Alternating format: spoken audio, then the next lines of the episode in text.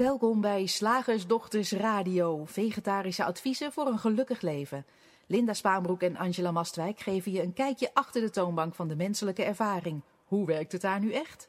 Wij maken gehakt van ingewikkelde concepten en fileren met liefde ook jouw leven. Dat alles onder het motto geluk. Mag het een onsje meer zijn? Welkom luisteraars, ik ben Linda. En ik ben Angela. En ehm, wij, nou, wij zijn blij. Ja, wij Ja, zijn echt super blij heel vandaag. blij, heel ja, blij. Ja, echt want, lange tijd niet zo blij Nee. geweest.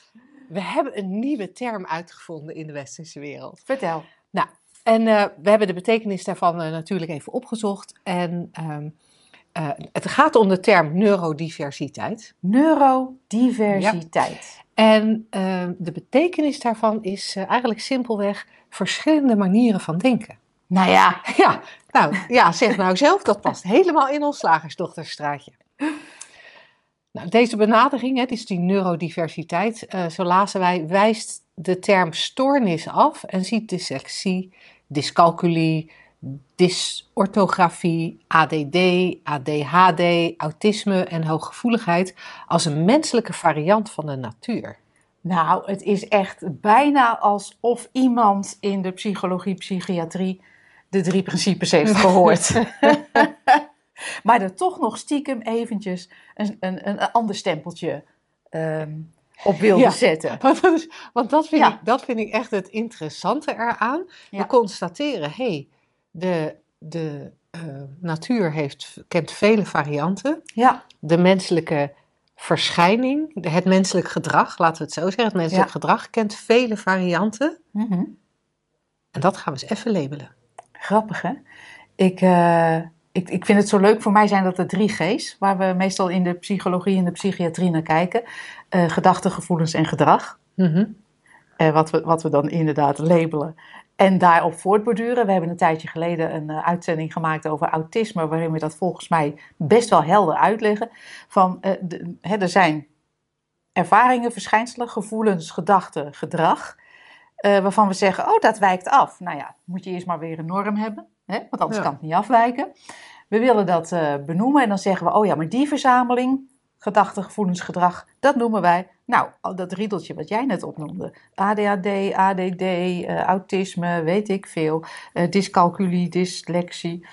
En dan zeggen we vervolgens, ik ga het gewoon nog een keer herhalen, want misschien heb je die uitzending niet gehoord of, of wordt het vandaag ineens duidelijker dan, dan de vorige keer.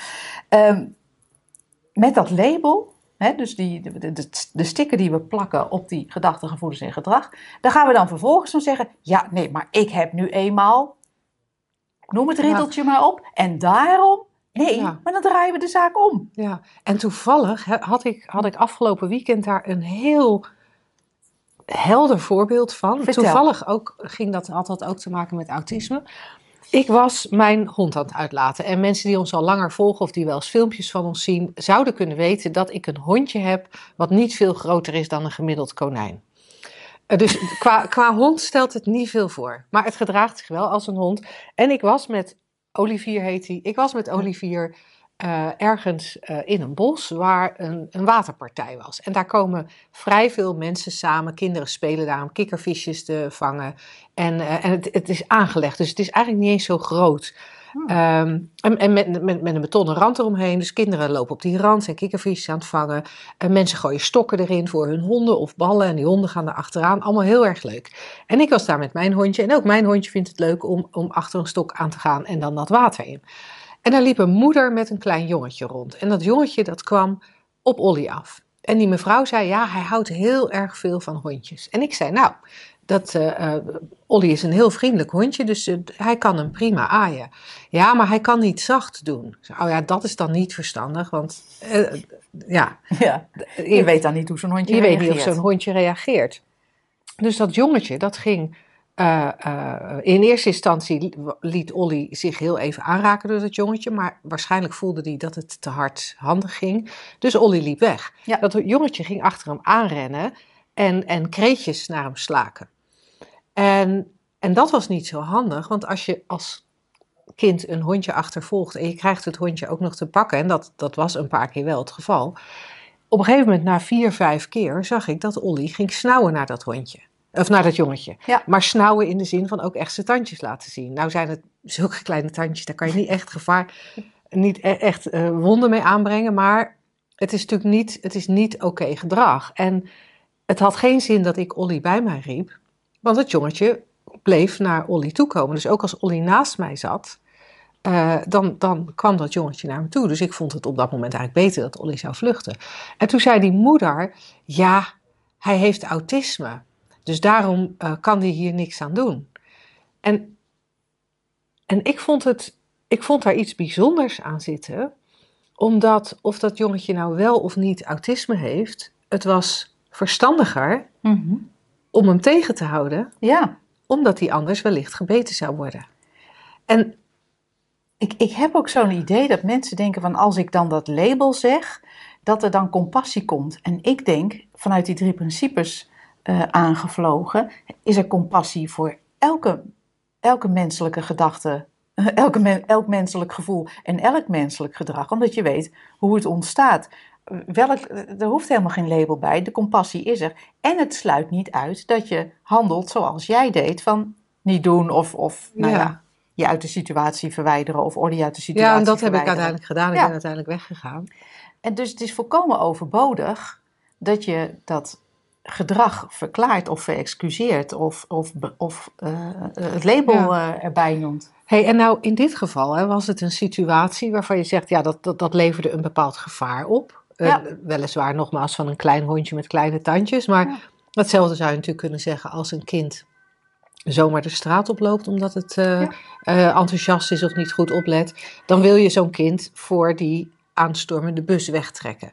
Hè, dat, dat wil je proberen te voorkomen. Dus even dat soort praktische situaties. eh, eh, even naast dat soort praktische situaties, die, parkeer ik eventjes. Ja, want die zijn ook gewoon logisch. Ja.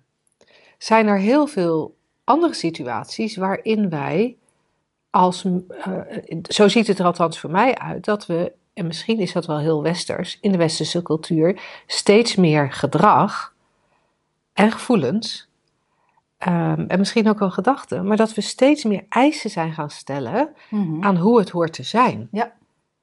Ja, want zoals we in het begin al zeiden, zonder maatstaf, zonder norm, is er, kan er ook geen afwijking zijn. En natuurlijk zijn er dingen die onhandig zijn, dat hebben we net benoemd. En, die, en die, nou ja, daar heb je dan een respons op die, eh, die adequaat is. Want zo zit, dat, zo zit een mens ook in elkaar. Als, dat is gewoon simpelweg zoals dit biologisch systeem werkt. Er komt iemand met een, met een, eh, een, een opgeheven vuist richting je oog. Je, oog gaat, je doet je oog dicht. Ja. Ja, daar hoef je echt niet over na te denken. Hoef je ook niet vast te leggen in een protocol. Hoef je ook niet eh, eh, een, een, een mantra voor te gaan zingen. Ehm, dat is simpelweg hoe dit, dit aardepakje zich beweegt, beweegt in het geheel. Maar dat, dat eindeloze, ehm, sorry dat ik het woord zeg, mierenneuken over afwijkend gedrag, ook bijvoorbeeld dyscalculie werd genoemd.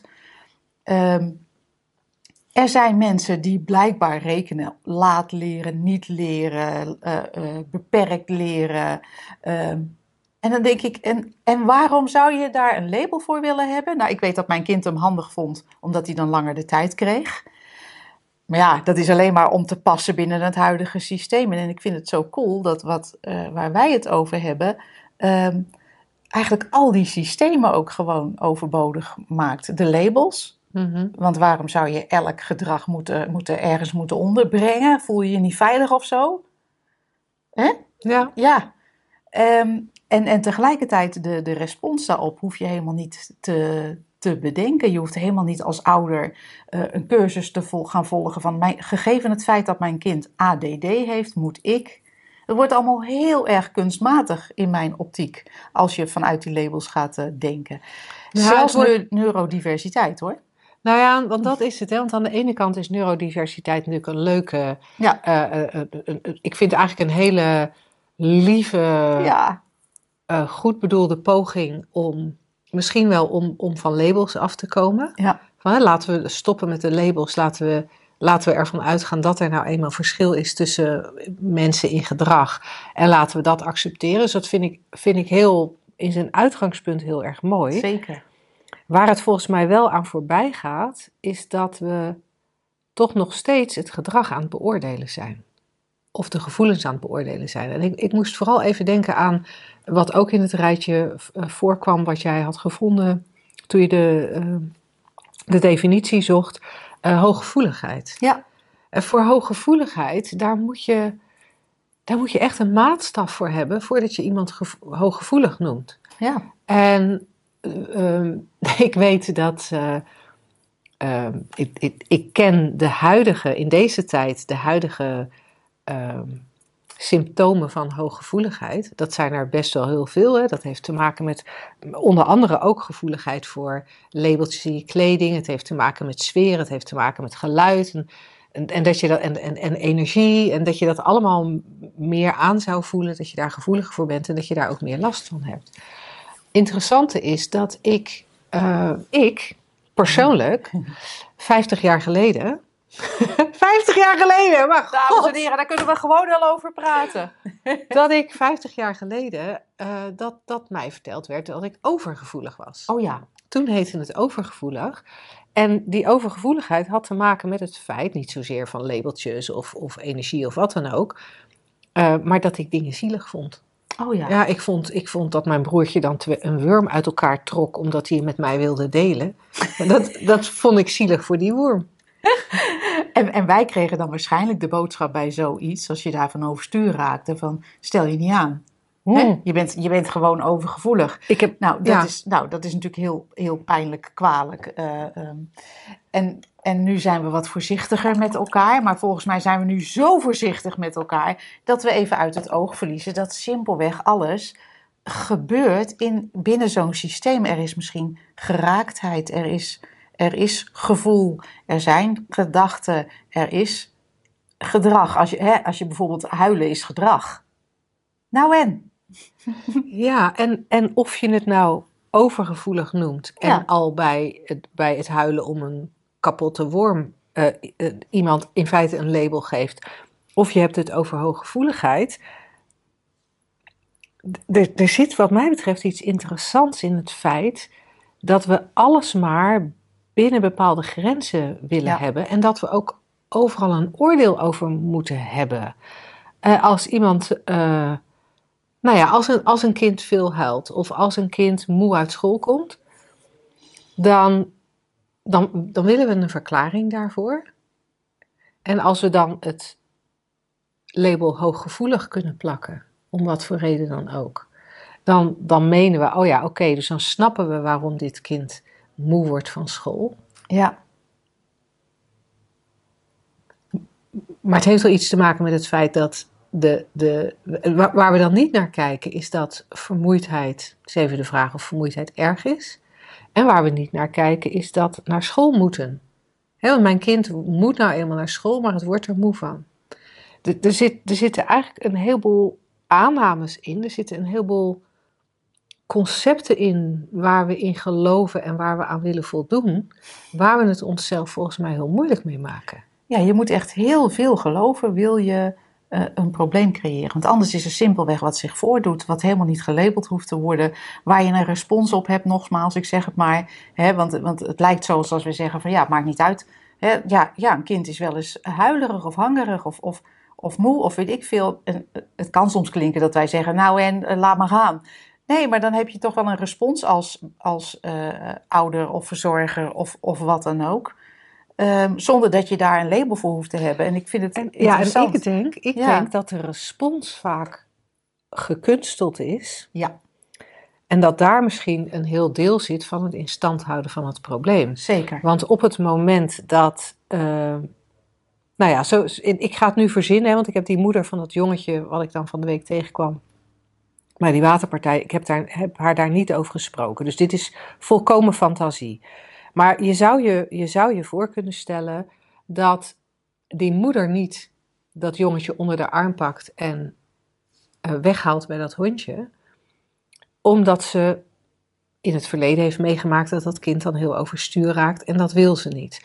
Of dat ze ehm, zich heeft voorgenomen dat haar kind de vrijheid moet hebben om te exploreren. Ehm, er, er kan van alles in haar hoofd gespeeld hebben, waardoor zij wellicht niet het natuurlijke, het natuurlijke gedrag vertoonde van hé, hey, hond, kind, een klein kind, Onhandigheid. weghalen. Ja. En, en dat meen ik bij veel dingen te zien. Ik, had, Ja. ik, ik heb er toevallig een artikel over geschreven dat gisteren op het blog verschenen is. Ik had kort geleden ook een gesprek met iemand die. ehm, waar, waar iets dergelijks ook naar voren kwam. Dat zij, zij had regelmatig een dilemma. En dat waren in mijn ogen eenvoudige dilemma's. En ik verzin nu even een, een ander dilemma dan ik in het blog heb beschreven. Maar dat zou het dilemma kunnen zijn: ga ik lekker even op een terrasje zitten, want het is mooi weer. eh, of ga ik eh, het, het huis schoonmaken? Want dat moet eigenlijk ook gebeuren. Ja. En, en dat was voor haar een heel lastig gegeven, Mhm. omdat zij geloofde in het concept: ik moet mijn, ehm, mijn diepste verlangen. Er was even een ander woord voor wat ik nu niet kan verzinnen. Maar er was een geloof in, er is een soort zielswens en je moet je zielswens volgen. En zij kon dan in die momenten niet bedenken of het terras of het schoonmaken de zielswens was.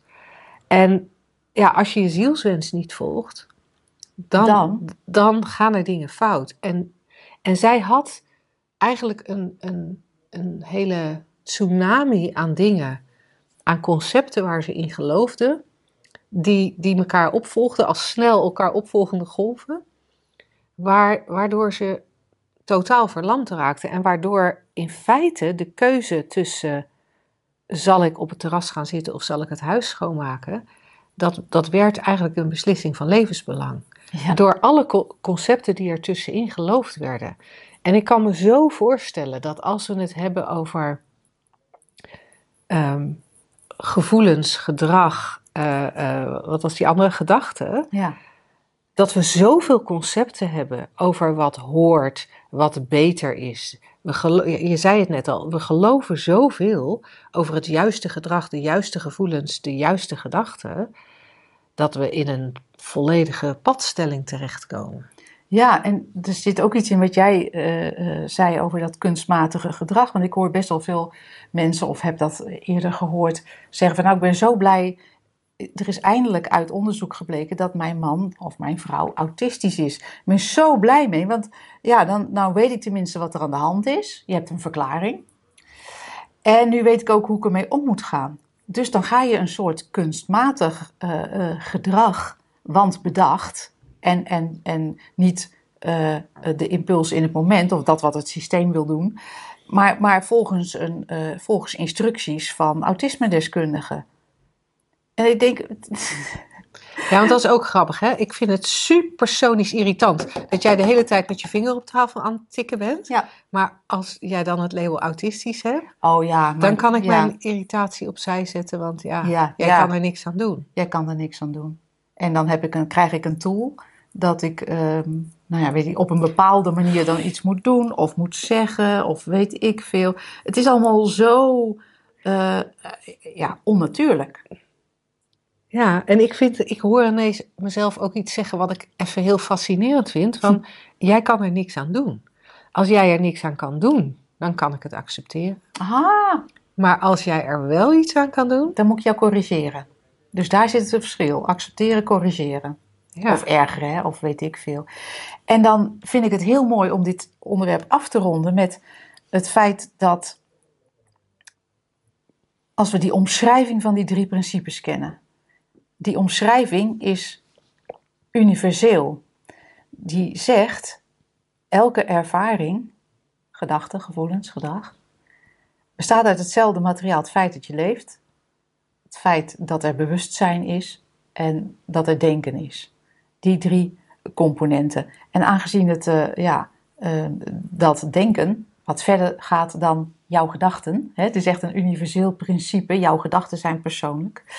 Um, het feit dat dat steeds, steeds weer een nieuwe creatie uh, tevoorschijn tovert, hè, samenwerking met het uh, bewustzijn en het feit dat je leeft, um, dat is simpelweg de beweging van het geheel, zoals het wil bewegen. Dat is simpelweg de menselijke ervaring, laten we het zo even zeggen. Waarom zouden we dat moeten uh, benoemen? Nou ja, omdat we denken Ja. dat het beter, om, Ja. omdat we al die grenzen hebben Ja. Het enige label wat we volgens mij hoeven te geven is: het is een menselijke ervaring. Misschien kan je menselijk eraf halen. Het is een ervaring of een gebeurtenis. Punt. Ja, met dat laatste maak je het natuurlijk echt neutraal. Ja. Jouw getik op de tafel is Dat een gebeurt. gebeurtenis. En het feit dat ik jou daarvoor een tik op je neus geef, dat gebeurt ook. is ook een gebeurtenis. Ja. Ja. Nou, mocht jij redelijk nieuw zijn eh, met luisteren naar onze podcast eh, en denken, oh, die drie principes, eh, ze zegt dat wel even heel makkelijk en heel snel. Je kunt op onze website slagersdochters.nl of op onze andere website shiftacademy.nl een e-book drie principes voor geluk downloaden. En ja, daarin leggen we die drie principes wat meer uit. Er zijn ook video's van te vinden op eh, internet, op ons YouTube kanaal. Dus als je eh, meer wil weten, dan is, er, eh, dan is er meer over die drie principes. Voer zat. Zeg, slagersdochters, hoe bak ik die vegaburger? Over naar de luisteraarsvraag. De vraag van vandaag is opgestuurd naar vragen.slagersdochters.nl. En lieve luisteraar, daar krijgen we jouw vragen ook heel graag. Dus nogmaals, vragen.slagersdochters.nl. En de vraag is, als er geen opdracht in het leven is, hoe zien de drie principes dan de zin van het leven? Zo geweldig. Die drie principes zeggen helemaal niks. Die beschrijven gewoon wat er gebeurt. Ja, Maar ik vind die zin van het leven natuurlijk wel een hele coole vraag. Want ehm, dat is eh, tegenwoordig best hip overal, zingeving, ook in het bedrijfsleven. Hè, dat is weer een nieuwe stroming. We gaan nu met z'n allen zingeving. Ehm, inspirerend leiderschap, nou weet ik veel.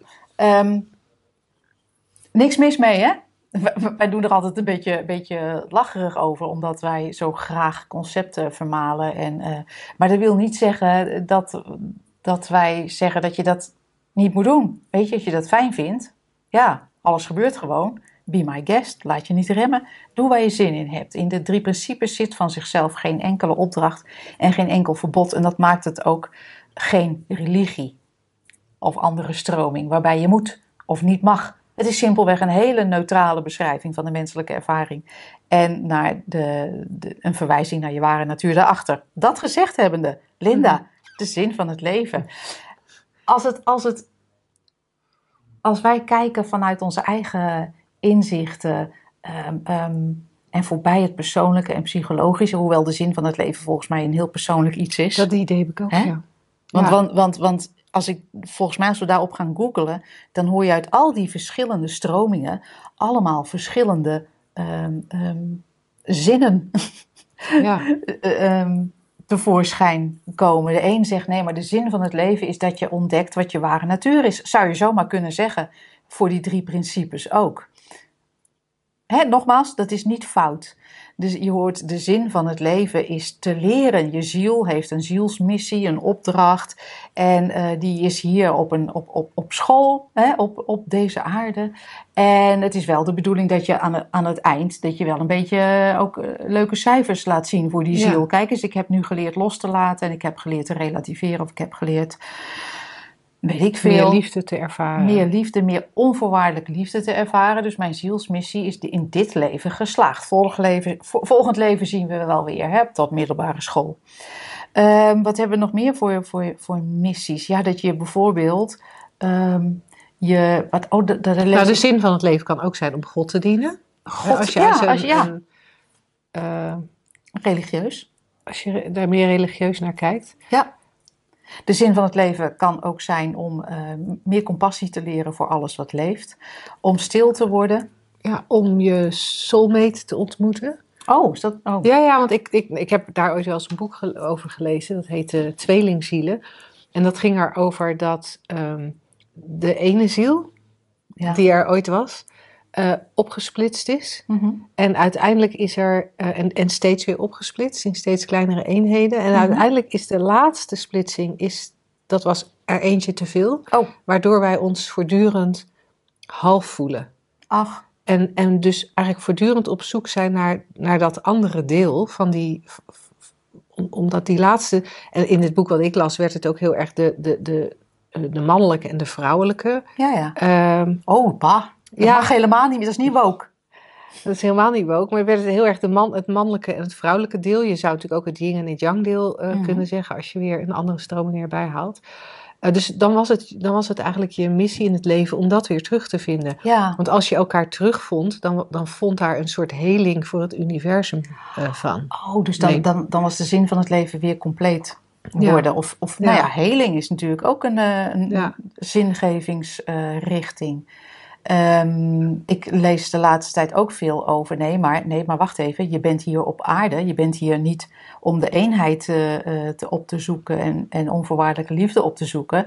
Je bent hier juist om dat contrast te ervaren en maximaal uitdrukking te geven aan, eh, aan wie je in dit leven bent. Dus je, juist je uniciteit, is dat het goede Mhm. woord? Je uniekheid, al, al jouw specifieke ehm, ehm, eigenschappen volledig te leven en tot uitdrukking te, te, te brengen en, en je diepste eh, wensen te manifesteren bijvoorbeeld. Dat is daar dan ook onderdeel van.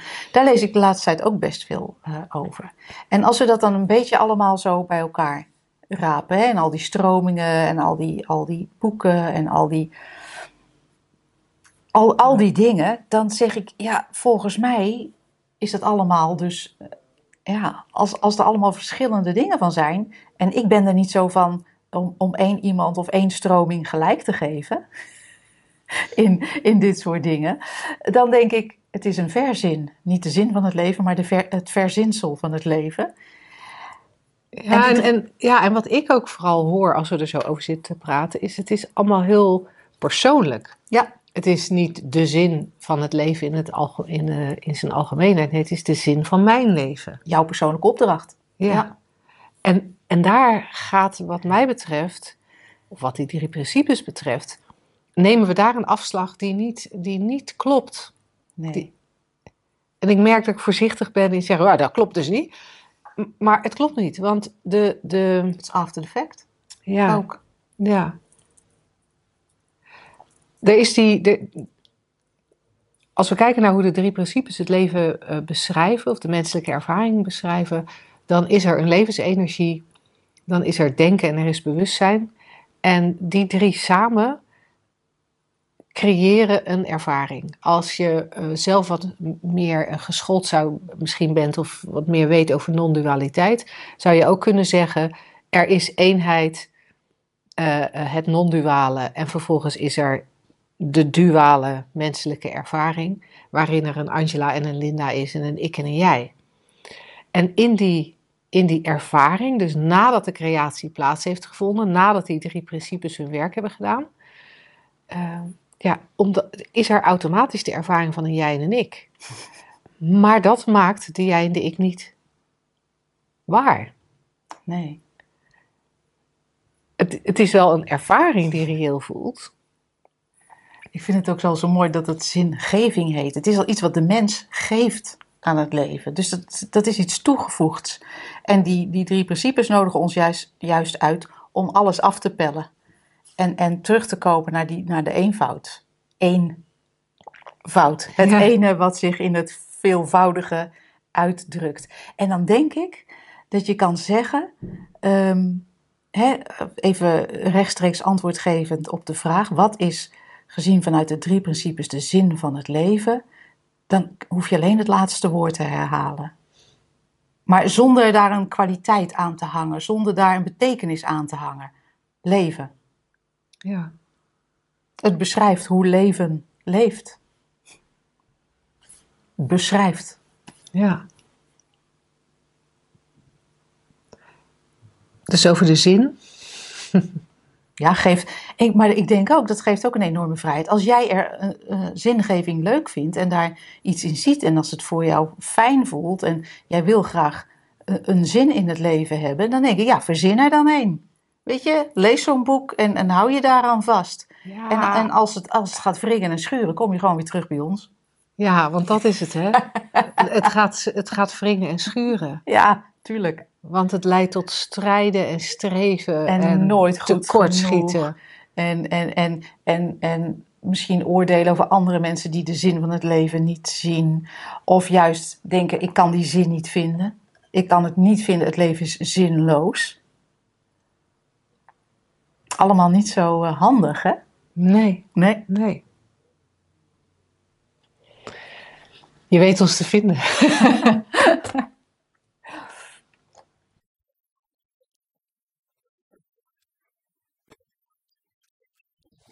Het concept van vandaag. Het borgen van. Oh, wauw. En wat kunnen we zo al borgen? Volgens mij wordt die veel in het bedrijfsleven gebruikt. Mhm. In, het, het is volgens mij management speak. Oh, echt waar? Ja, volgens Oh. mij wel. Zal ik dat even googelen? Ja, want volgens mij is het dan een soort eh, management speak. Ja, sorry als je manager bent en, en, en je hebt dagelijks te maken met vergaderingen waarin er heel conceptueel wordt gekletst. En je het heel veel hebt over het borgen van, ehm, ja jeetje, weet ik veel wat je allemaal kan borgen. Maar dat heeft natuurlijk te maken met het, het, het, eh, het zeker stellen.